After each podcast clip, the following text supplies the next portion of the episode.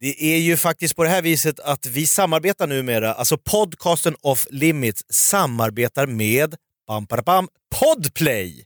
Podplay är en ny podcastplattform där du hittar våran podd och en massa andra riktigt bra poddar.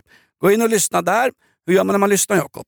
Ja, men antingen så går man in på podplay.se eller så har, laddar man ner appen. Den heter bara Podplay. P-O-D-P-L-A-Y. Du vet att jag och Flimits-crowden vi måste... P-O-D-P-L-A-Y. Och så Jonas måste förstå också. Podplay. Podplay och Off Limits, vänner när det gäller. Ungefär som Micke och Molle.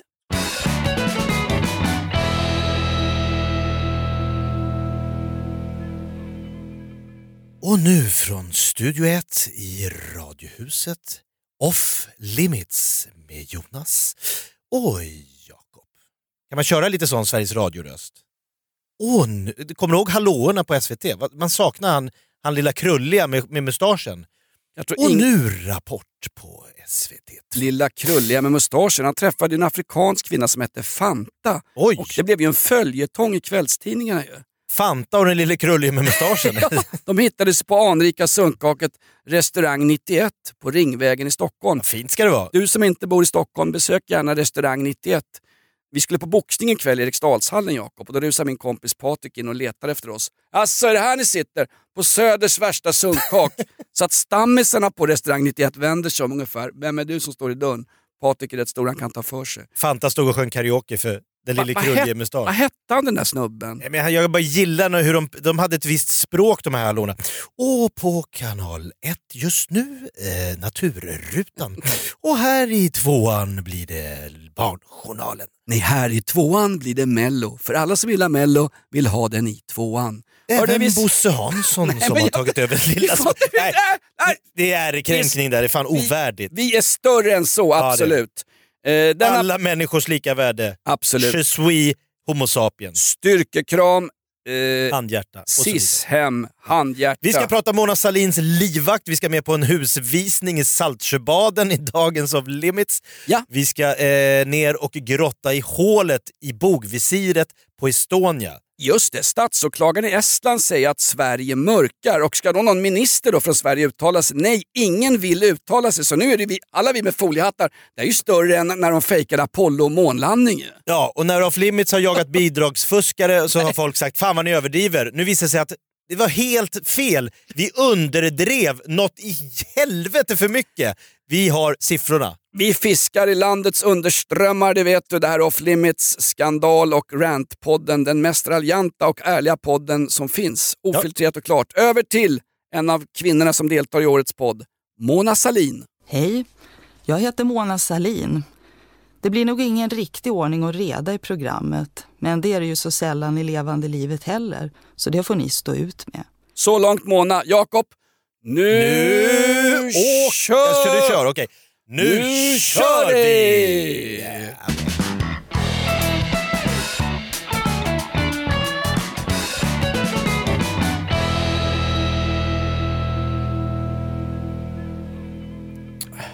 Hans. Varför kallar du dig konstant för min radiokollegas namn, Jakob? Och jag kallar Jakob för Hans och jag kallar Hans... Vem är du? Har du legitimation? Nej, vänta. Kan du göra en sån där... Karl-Heinz Rummenigge kallas jag när jag spelar fotboll. Kan, kan du bara göra en sån där ensamkommande, du bara säger vem du är och säger hur gammal du är, så får jag helt enkelt lita på det, på heder och samvete. Ja, men jag heter Jakob Ökvist. Jag jobbar i normala fall då på Mix Megapols morgonshow, Gry Forssell med vänner och jag närmar mig 50-årsstrecket. Det ska Mm. vi fira stort. Absolut. Snart 50, klassresenären som en gång faktiskt, Jakob, folk tror att jag skämtar när jag berättar om det, Jakob i podden Ja. Kom tvåa i, en, i ett svenskt mästerskap i lambada. Lambada, den förbjudna dansen. Var det inte George Floyd i Detroit som sa “White men can't dance” eller något sånt där? Någon kan inte dansa, men jag kunde det i och med att jag då tog... Eh, alltså det här var på Münchenbryggeriet 1993, så det känns... Om det är det enda som folk ska komma ihåg mig för så har jag inte gjort något vettigt sedan dess. Nej, och jag har inte ens varit med i en lambada-tävling hör du. Jag säger som Börje Salming. Jag trodde aldrig att ett täcke kunde göra så stor skillnad.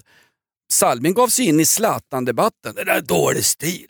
När Zlatan anklagas för att mobba folk i omklädningsrum så sköt de ju tillbaka. Såg du Olof Lund när han dök upp i Nyhetsmorgon förresten och skulle försvara den här boken han skrivit? Landslaget enligt Lund. Är det den heter boken? Ja. Jag måste nästan köpa den här boken. Alltså. Är det mycket han, smaskigt? han klarar sig galant. Alltså, jag är inte ute efter Zlatan på något sätt.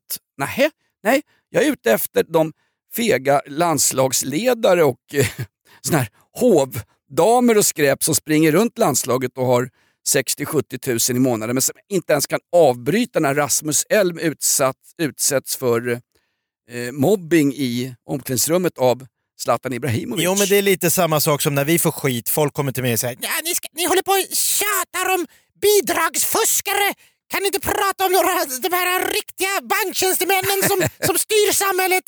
Och så säger man, Man så här, nej jag bråkar inte om bidragsfuskarna, jag bråkar om att det sitter liksom folk och betalar ut eh, välbetalda tjänstemän som inte liksom ringer inga klockor när till exempel LSS, som jag pratade om förra veckan, har ökat med 900 procent sedan 1995. Kan det verkligen vara så? Det är ju exakt lika många ungefär som behöver det här stödet. Hur kan det bara fortsätta öka? Nej, då sitter det folk och säger hör inget, ser inget, märker inget. Hör det- inget, ser inget, märker inget. Det som- Betala ut, betala ut, betala ut. Det är som polisen ibland i vissa mordärenden då enligt GB Persson. Det är enklare att åka hem klockan fem och, och äta köttgryta och göra några tafatta samlagsförsök med frun i hallen eller något sånt där. Och sen glömma det. Sen åker man till jobbet imorgon bitti klockan åtta. Man, Det är bara där, ett man, jobb. man får sin månadslön. Det måste finnas ett driv. Jag såg några... Du menar att det måste finnas passion hos Ja. myndighetssverige? måste finnas passion men framförallt viktigare för politiker. Pension. Pension! En pensionsfrukt, det är det de letar efter. Jag såg ju faktiskt någon snattare, det här är i somras, jag såg eh, snattare i Liljeholmens centrum, men jag såg dem inte ens. Det var någon de jagade för det var allmän upp... Eh, Ja, det kom någon springandes med vakter efter sig. nej, det kom, jag såg inte ens någon som sprang, men jag såg däremot två poliser som stod och pratade med någon tant i någon hemköpsdräkt eller vad det var. Inte hembygdsdräkt utan hemköpsdräkt och sån där. Hon jobbar på någon Och matbutik. polisen de pratade om lite allt möjligt. De som verkligen var nere vid sjön Trekanten och jagade någon som hade snott någonting, någon låda eller vad det var. Det var väktare som liksom Nej. ser en heder i att satan, ingen snor grejer on my watch. Jag ska ut här. Jag tycker de ska värva poliser bland väktare. De är ju mycket mer nitiska och mycket mer håller i ordning. Har jag blivit tilldelad det här, den här det här bussresecentret någonstans, då ska jag hålla det i ordning och reda. Obs! gäller det i Uppsala för där är tydligen resecentrum helt kaosartat. Nej men alltså, väktare i all ära, men jag, jag är lite rädd eh, att... Jag kanske är fördomsfull här, men jag gissar att de flesta tränar på gym. jag gissar att de flesta bor i en lägenhet med hemmabar, darttavla och takfläkt är lite så här kromad. Jag vill inte ha något, kanske att vissa till och med har ett helkropps solarium bakom sängen. Nu känns det som ett hemma hos-reportage hos mig Jakob. Allt det där har ju diverse flickvänner bara rivit ut. Jag, har inte ens, jag fick inte ens ha, ha kvar min stora Millwall-flagga på väggen. No one likes us, we don't care. Den åkte ut på en gång. Nu är ersatt med någon slags sketet höstmotiv. Fick du ha kvar din berömda ölunderläggssamling? Du har ju samlat sedan 95 på ölunderlägg från hela världen. Nej, det där är lögn. Jag säger som eh, Carl Lidbom i KU. Det är lögn och förbannad dikt. Du ska icke komma till off limits du ska och tala till mig på det sättet. Du ska veta hut! Varför svarar du inte på frågan Carl Lidbom? Därför att det är trams. Det är trams det du håller på med. Min ölunderläggssamling, och det vet du Jakob, Ja. din gamla slampa, det vet du att den är Den från... ligger i källaren. Nej, Vi- den är från sent 1980-tal. Ja. Från 95. Det- Ja, du 95 menar pikade jag i karriären. Hörde, vi var förresten, på tal om hemma hos folk, vi var och käkade middag hos eh, ett par goda vänner. Jag ska inte prata om det här. Thomas och Boogie. Nej, de är skilda va?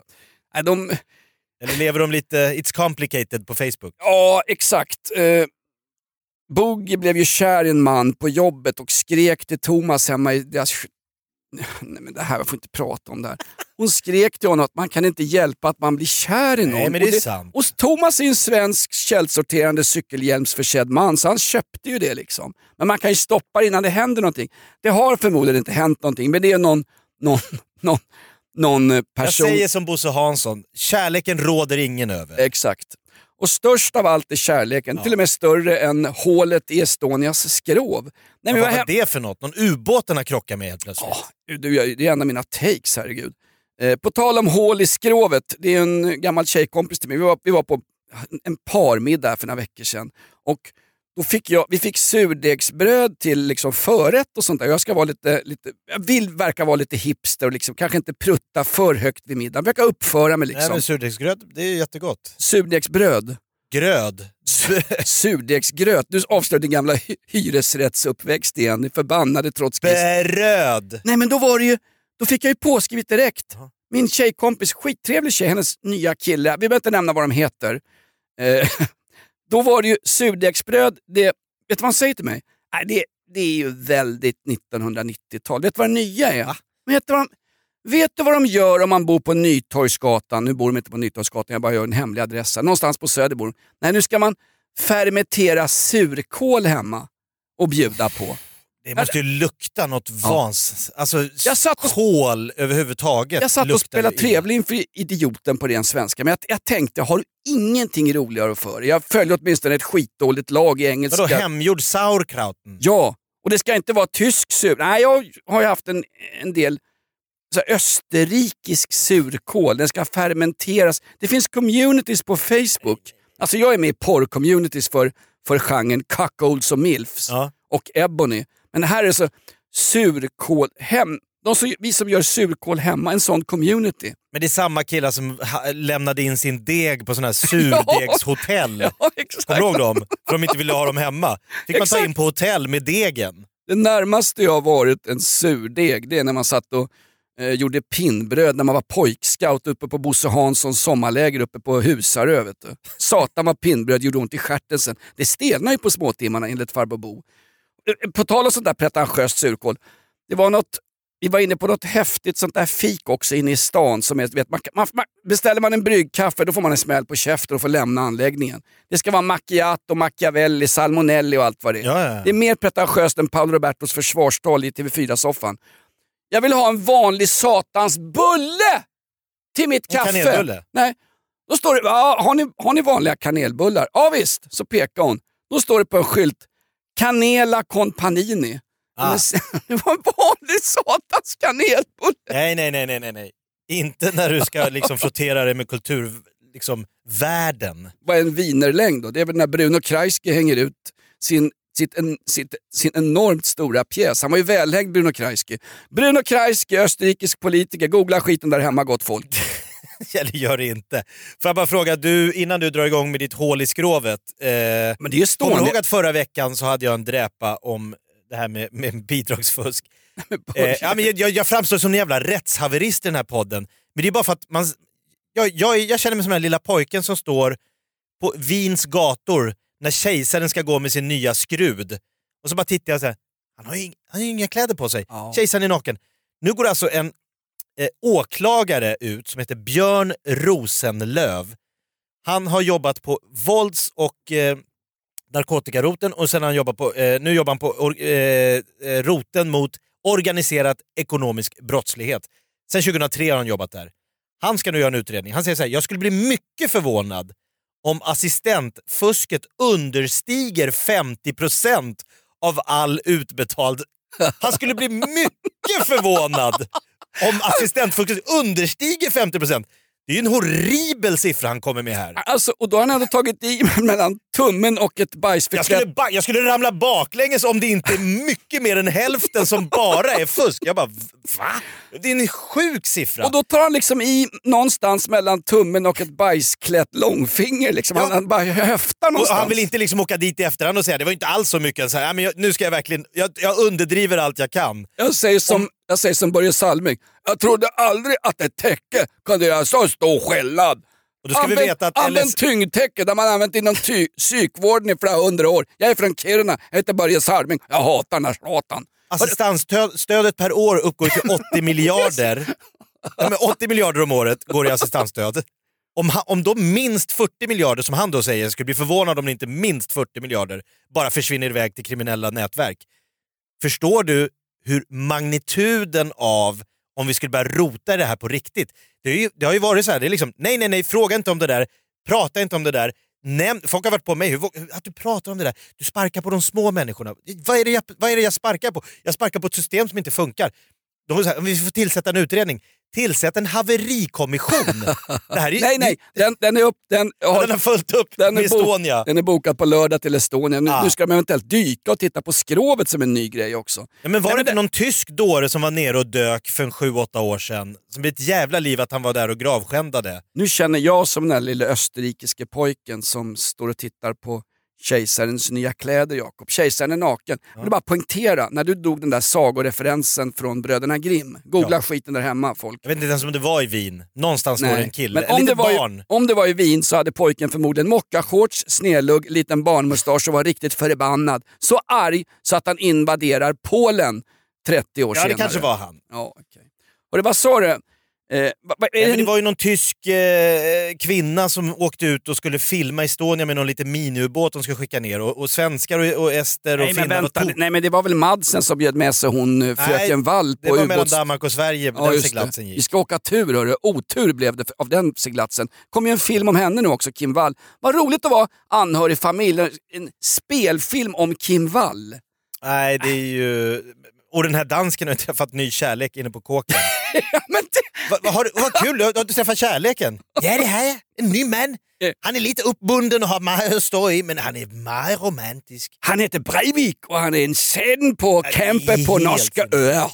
Nej, men kommer du inte ihåg att det var livat? Hette hon inte Hon är... Rabe? Hon blev inte... eh, nej, nu tänker du på Anina Rabe och då tänker jag på DN Kultur och då tänker jag på att jag går på samma gym som Hanne Schöller, hon som skrev en bok om att journalister idag är dåliga på faktagranskning och Mm. själva boken innehöll massor med faktafel. Ridå! Det var Wolodarski på DNs frysbox efter det. Stackars Hanne Schöller. Anina Rabe är på DN Kultur. Jakob. Ja, det Jag kan inte andas i, i, jag kan inte andas när jag pratar DN Kultur, Jakob! Någon, någon åkte i alla fall ut och skulle filma där vid Estonia. Det var första filmklippen vi fick ifrån den båten. Hon och det blev här ju- kanske är tio år sedan. Hon blev ju inte insläppt. Nej. Hon blev verkligen... Hon, Nej just hon kom aldrig, de, de låg ju med krigsskepp och höll henne borta. Ja. ja, det var hon ju ville filma. Och det var ju påkostade krigsskepp. Det var ju krigsskepp där bogvisiret faktiskt satt kvar. Hör Det är du. klokt. Ja. Men nu har man då upptäckt att eh, nu har någon fått ner en jävla kamera dit och hittat ett hål i skrovet. Det är ju också några dokumentärfilmare och i samband med det här, det är så fantastiskt, så finns ju den här dokumentären på Dplay. Det måste vara den mest, mest lysande, rent tursamma marknadsföringskampanjen av en... Sen Filip och Fredrik knarkade Nej, under Oscarsgalan. de satt på Oscarsgalan och knarkade och tänkte, "Eh, ska vi inte göra en film om somaliska bandyspelare? Det är det värsta jag hört. Nu gör vi den filmen! Den gick 16 miljoner back, men vi har gjort den i alla fall! Ja, men tagit Var- ansvar. Filip och Fredrik, Piff och Puff, var är de spelarna idag? Var är de spelarna idag? Jag säger som Börje Salming, jag trodde aldrig att ett täcke kunde göra så stor skillnad. Kuratäcke med tyngder, använt inom psykvården sedan 60-talet. Nej, men hela den här historien, historien är ju väldigt märklig att, att det fortfarande då är... Det börjar liksom krävas svar av... Man börjar prata om Carl Bildt, Ja. man börjar prata om Ingvar Carlsson. Nu ska de där gamla stötarna fram och stå till svars för. Det, det Ingvar Carlsson sa när, när båten förliste var ju vi ska göra allt som står i vår makt för att bärga skeppet.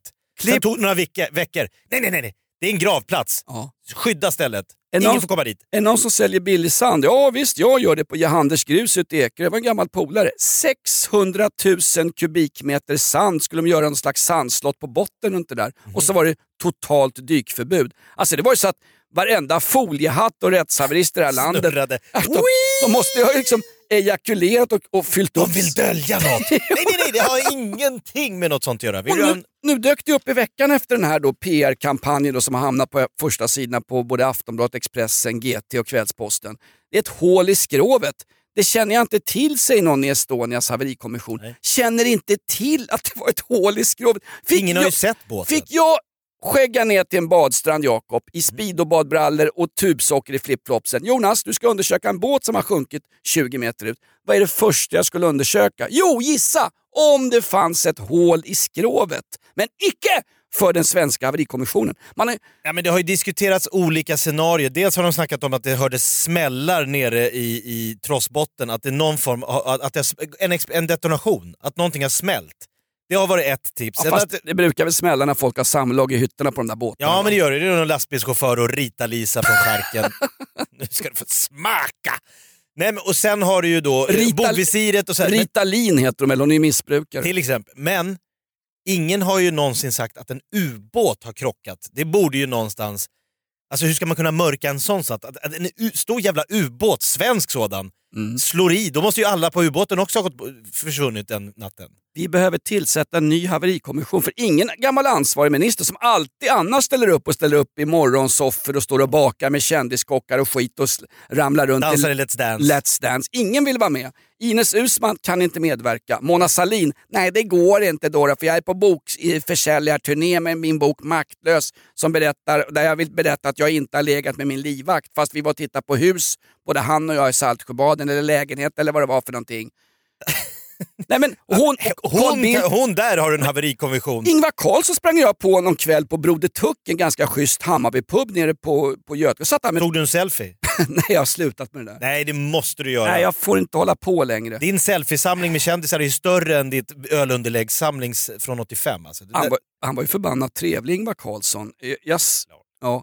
Eh, nej, men det är inte så att han har gått långt i fyllan på Broder Tuck som du brukar göra där, men... Eh, eh, Det är märkligt att han väljer just det stället. Det är ju mycket kriminella där. ja. men, men du tycker inte att det är märkligt att jag väljer det för en ensam, ensam öl som inledning på en klassisk dagfylla en fredag när man är ledig från klockan nio på dagen? men det är märkligt att Ingvar Carlsson sitter och tar en gräddstuvad pytt med en stor stark. Det var så att jag hajade till. Han satt där med fyra, fem kompisar utifrån Enskede och det var en, alltså för mig, han återfick sin respekt den här gamla Älvsborgsskosulan. Någonstans. Han sitter och tar en pilsner med polaren och skrattar och var glada tills jag dök upp och ville ta en selfie. Du, på, på tal om det där, eh, varför jag har slutat. Mikaela bett mig sluta, hon tycker det är pinsamt när jag attackerar kändisar. Eh, jag såg ju hon. Martina Montelius på Brunnsgatan på väg till sin, till sin teater. Då tänkte jag springa fram, nej jag måste fan skärpa mig. Inga... Då tänkte jag, Teater Brunnsgatan 4, vänta, den där Det satans... är Allan Edwalls gamla... nej, nej, fel i sak! Va? Det är inte eh, Allan Edwall, det är skattebetalarna. Den här teatern har aldrig varit lönsam. Den går runt med... De har 40 publikplatser. För att spela en pjäs om året. Hur fan ska du få ekonomi i den? När, när, folk, Kultur måste få kosta Jonas. när Folkhälsomyndigheten sa det är max eh, 50 personer, då, då var det liksom, ja men perfekt tänkte Martina Montelius. Det har jag varje år här på min teater. Det är mitt årsantal. Hon hade kallat Lena Andersson förresten, författarinnan som låg med Roy Andersson, hon hade kallat henne för man i någon podd. Det hade blivit ett jävla liv. Sitter folk och är oförskämda mot andra i poddar? Det är inte okej Jakob. Stil, klass, finess. Jag säger som Sara Leander när hon uppträdde på eh, Wien-operan eh, i operetten eh, Lady aus Paris. Oj. Det ska vara stil och klass, stil och klass. Sen var hon dyngrak med Arne Hülfers. Googla det här gott folk hemma. Hon krökar ju på Sara Leander vet du. Ett poddtips från Podplay. I fallen jag aldrig glömmer djupdyker Hasse Aro i arbetet bakom några av Sveriges mest uppseendeväckande brottsutredningar. Går vi in med hemlig telefonavlyssning och, och då upplever vi att vi får en total förändring av hans beteende. Vad är det som händer nu? Vem är det som läcker? Och så säger han att jag är kriminell, jag har varit kriminell i hela mitt liv men att mörda ett barn, där går min gräns. Nya säsongen av Fallen jag aldrig glömmer på Podplay.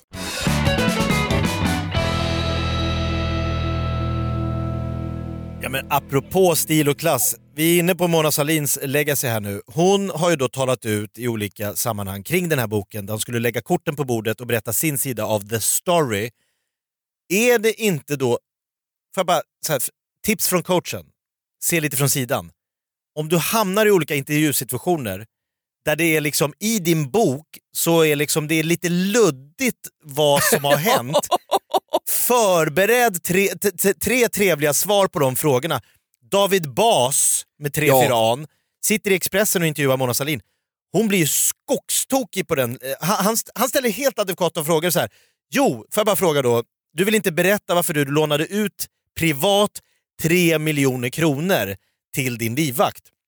Och då säger hon, "J- jag trodde jag, du skulle hålla dig för god för att rota i min privatekonomi. Det är en helt privat sak.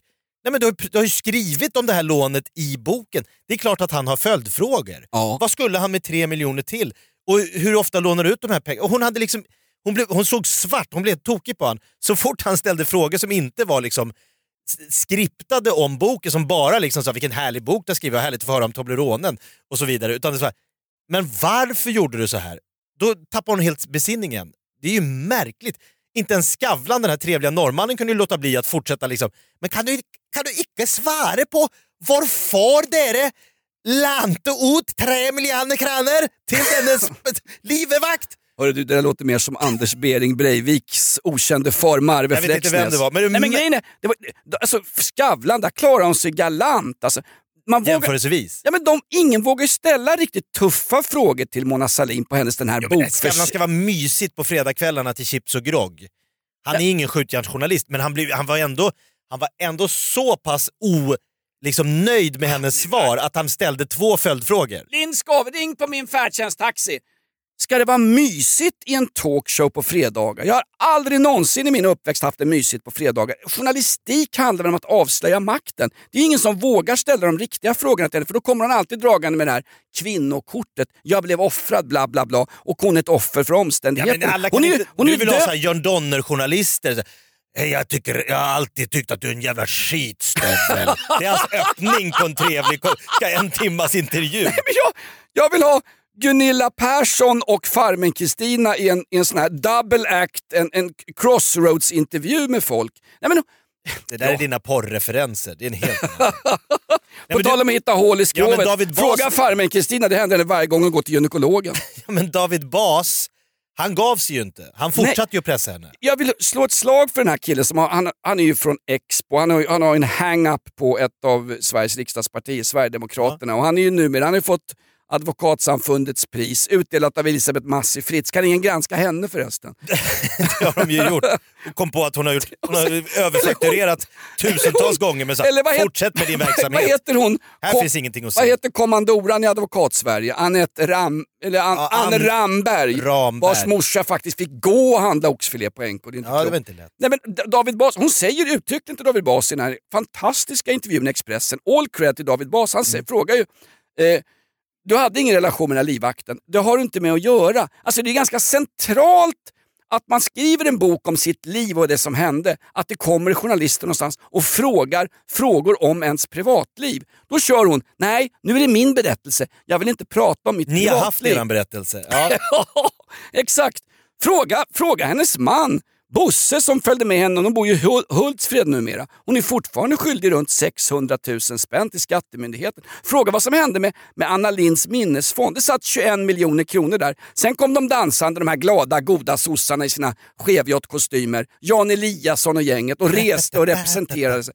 Från 21 miljoner så gick det så långt, pengarna bara försvann. Så till slut slog det här 90-kontot, eller om det var postgirot, för det kostar 5 000 spänn per år att ha. Alltså, när Att summan, ha ett 90-konto. Ja, något sånt där. Eh, Det är en år, årlig avgift då till någon sån här Men service. har de 21 miljoner så borde de ha råd med det. Det är De bara räntan borde de kunna leva på. Vakna Ferdinand, dags att lukta på korkeken. Det finns inte 21 miljoner kvar. Pengarna är ju borta. Ingen kan kommentera det här. Nu Det- känner jag mig som en liten no- gosse på gatorna i Wien som ser kejsaren komma skruda. Är det ju återigen så att kejsaren är naken? Men varför ställer ingen frågan om, om Anna Linds för att det är minnesfond? jobbigt såklart. De tycker Ja, men att det är det- obeha- ska det inte obekvämt. Ska det inte vara jobbigt? Ska hon bara Jo, David Bas, Det är han ett fortsätter... skrov, vet du vad? Det är ett hål i skrovet på Mona Sahlin också. Det, hennes story håller inte. Nej, den håller Hon fick ju en fråga, varför var du och kollade på, på den här bostadsrättslägenheten som De var din, på visningen ja. som din livvakt skulle köpa? Ja, jag har... Eh, först får du en fråga, du lånar men ut... hon var nyfiken för det var ett intressant bygge. Fast vänta, om hon har en arbetskamrat som hon skriver ett falskt intyg till där, eh, där hon ökar på hans lön med 20 000 därför att hon trodde att det skulle bli så i framtiden. Vilket, Det var här, hennes ambition vid löneförhandlingen. vilket härligt Där hon då är den arbetsgivarorganisationens Det är ungefär som när jag gick i plugget. Vad får jag i matematik? Ja, du får en tvåa Jonas. Ja, fast jag, jag har ju skrivit en femma. kommer att ha en femma om två, tre år. Så jag skriver 5,0 när jag söker till högskoleprovet. Hon var ju på visningen tillsammans med sin liva. Kan ingen ställa den frågan? Folk i bostadsrättsföreningen skvallrade ju om det här. Det Oj, där fanns ju- kommer de två. Ja men exakt, det är väl också märkligt. Att den frågan måste, måste ju ställas. Och när, när David Bas frågade, du var ju på visningen av lägenheten som din då arbetskamrat som du lånade ut tre miljoner till och skrev osanna intyg. Ni, ni var där tillsammans på den här visningen. Det har du inte med att göra, eller fair enough. Men frågan ställdes i alla fall. Jo, men du citerade ju Sara Leander här nyligen att man ska ha stil och klass. Det här var alltså en bostadsrätt som ligger i Saltsjöbaden. Där talar man icke med kluven tunga. Överklassens, vad vad är det Jan Guillou kallar det, eh, borgerlighetens stilla charm eller Nej, vad? nej, men det är ju en gamla... Nu får ni... Äh, Lindskov!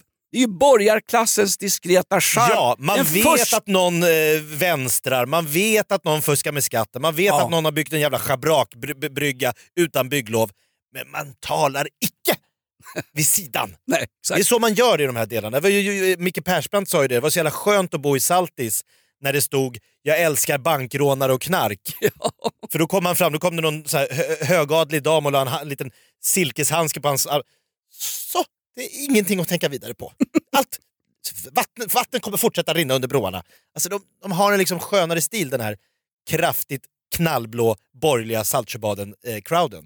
Borgarklassens diskreta charm. Det är ju en mycket, mycket känd roman som eh, tar upp eh, det är väl 1920-talets borgerskap i Paris som är någon slags stilbildare för riktigt, eh, ja, det är riktigt, alltså borgerskap, borgerskap för dig Jakob, det är folk med pengar. Det är liksom, eh, Nyrika lo, lottovinnare. nej, men det är liksom, det, Leif Ivan. det är liksom Det är borgerlighetens diskreta Det är liksom Spindel de Paula och programledarjobben, men det är, det är ju inte riktigt... Alltså bourgeoisien, det är ju, bourgeoisien, det är ju en bild, det är en bildad... Sitter, sitter jag här från Vällingby och pratar med en bildad Ja, men nu kan överklass. vi berätta för Lindskog, han Lars- brukar klaga på att vi har gamla referenser. Nu är fan uppe på 20-tal. Så nu, Men stopp och belägg! 1920-tal, vi rör oss framåt i alla ja fall. bra. vi pratar i alla fall inte om vikingakvinnor den här gången. Nej, Du, det här med, vad sa de?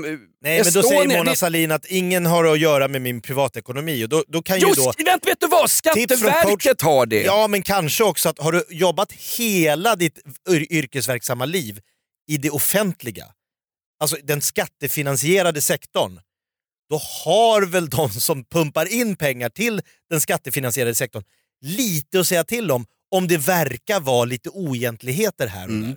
Det är väl hela liksom, idén med att ha, att, att, att liksom ha så ett folk som jobbar, så tar du hälften av vad de tjänar och så väljer då en, en, en, en, en framröstad klass att vi tycker att pengarna ska användas på det sättet.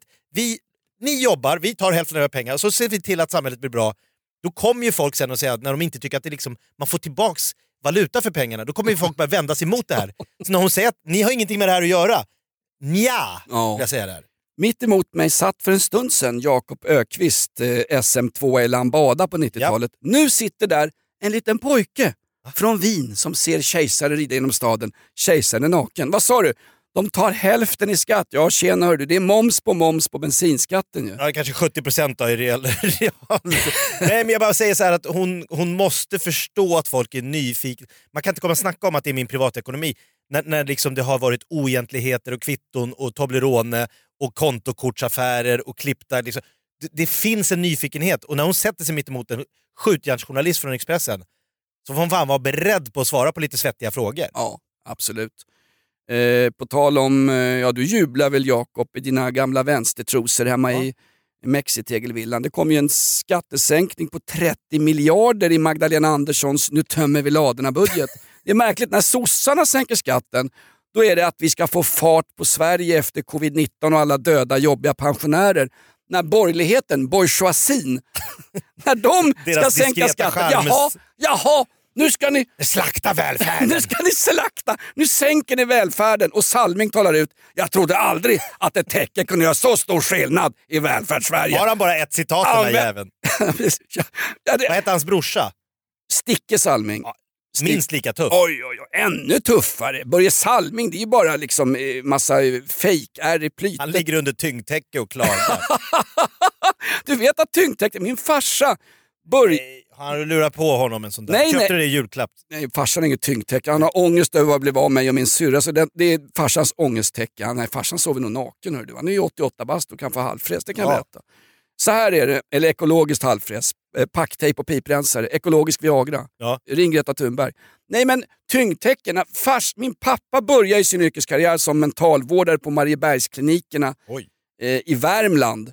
Eh, och hans farfar jobbade där också. Då redan då använde man tyngdtecken för att få, få lugn på upproriska Ja, är en som, som du till exempel Jakob, som klagar på skattesänkning och Salin och, och hål i skrovet på något gammalt fartyg. Tyngdtecken. Nu, nu används det för att, för att få lugn på svenska folket. Du, när jag jobbade på Beckomberga eh, mentalsjukhus eh, tidigt 90-tal, Får man då säga- hade de fortfarande ECT-avdelningar. Oj. ECT, det var elchocker rakt in i hjärnan på patienter. Och det var patienter som sa att det var det var bästa ögonblicket i deras liv. För de hade gått i ett konstant mörker, depression, ångest. Kanske Mona Sahlin, tipsa henne här.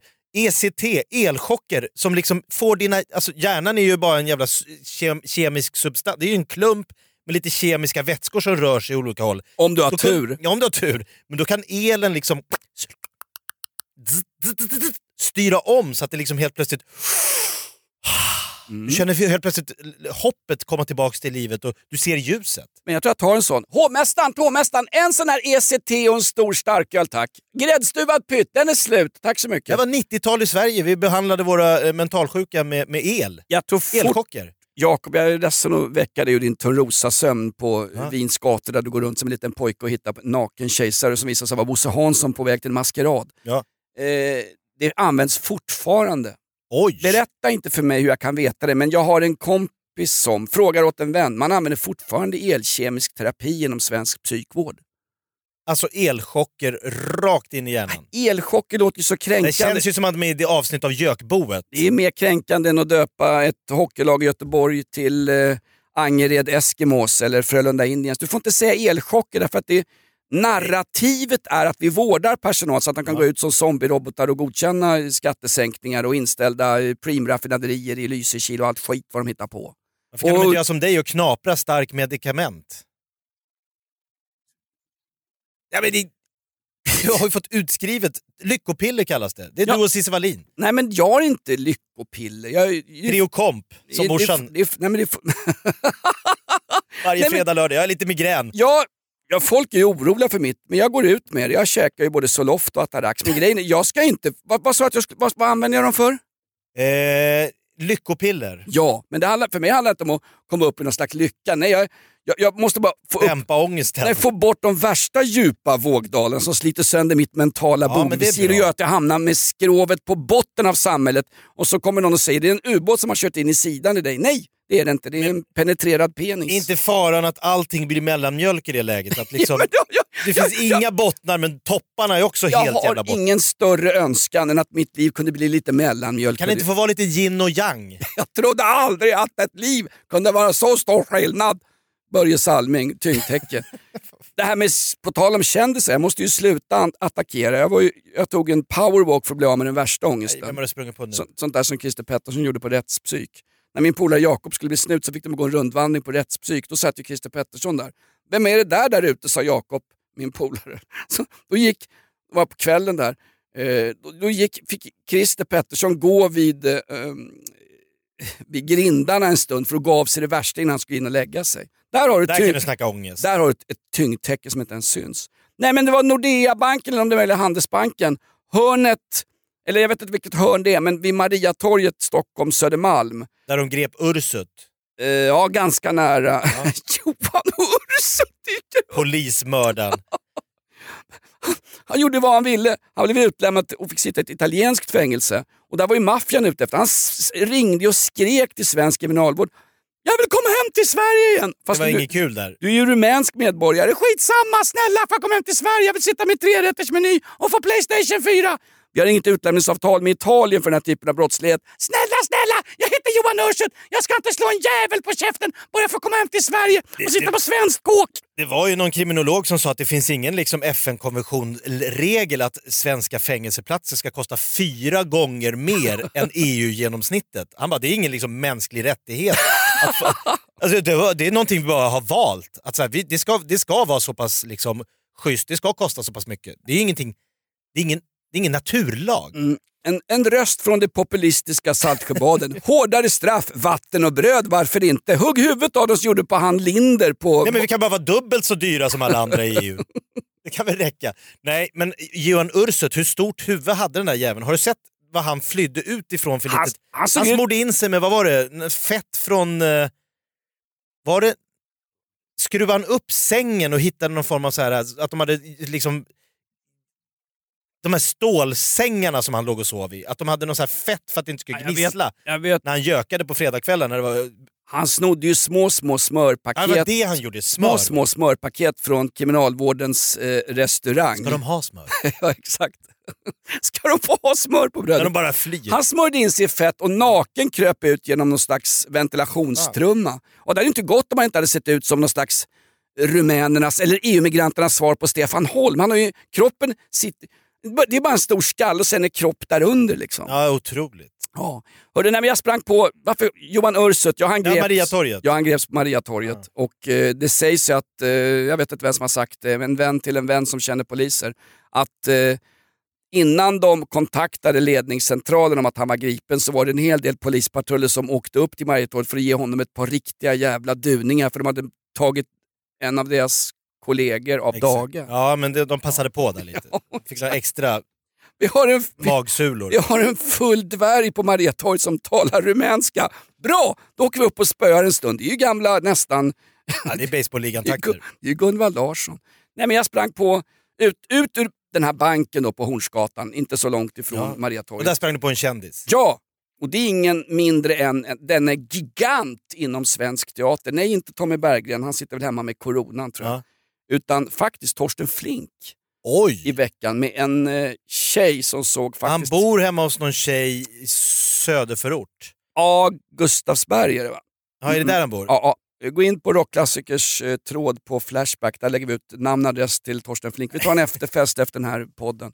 Nej men han, då sa jag, jag går fram liksom, "Ö, Torsten ursäkta jag beundrar, jag kör med gammalt taskigt krogsmicker i början. Jag har beundrat dig alla och får man ta en bild? I helvete säger han bara. Och då Va? tänker jag så här, men det här är inte okej. Nej men jag ville ta en bild liksom.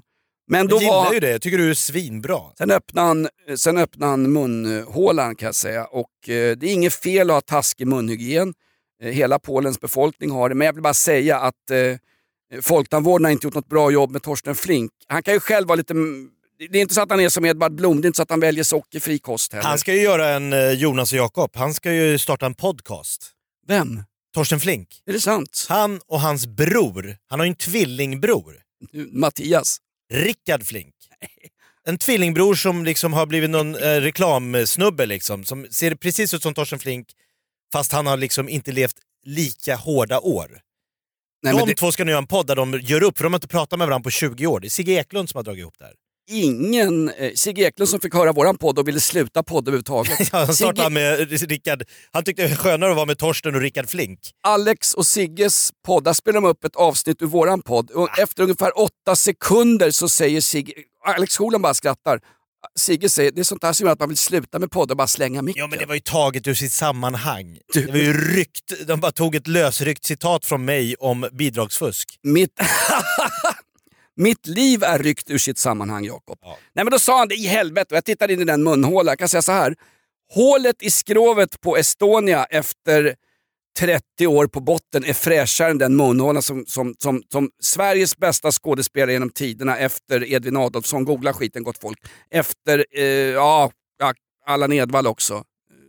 Nej men Torsten Björn Flink, Granat. början. Nej, Oj, men Flink var fantastisk. Men eh, vadå? Alltså det, han såg inte inget fräsch bra. ut. Men han fräste från mig och då tänkte jag jag kan ju få en smäll på käften. Jag har inte ens själv råd att gå till folktandvården och laga eventuellt utslagna så framtänder. det blev ingen selfie? Nej, det blev ingen selfie och jag tänkte, och Mikaela sagt åt mig, sluta med det där, det är inte roligt. Liksom. De, de tror att det är på allvar, du går fram och ljuger för kändisar och attackerar dem. Jag vill bara säga att jag har ju Morgan, Ola, Conny, jag har Ja. Edvard Blom, Bruce Dickinson, Bruce Dickinson har jag.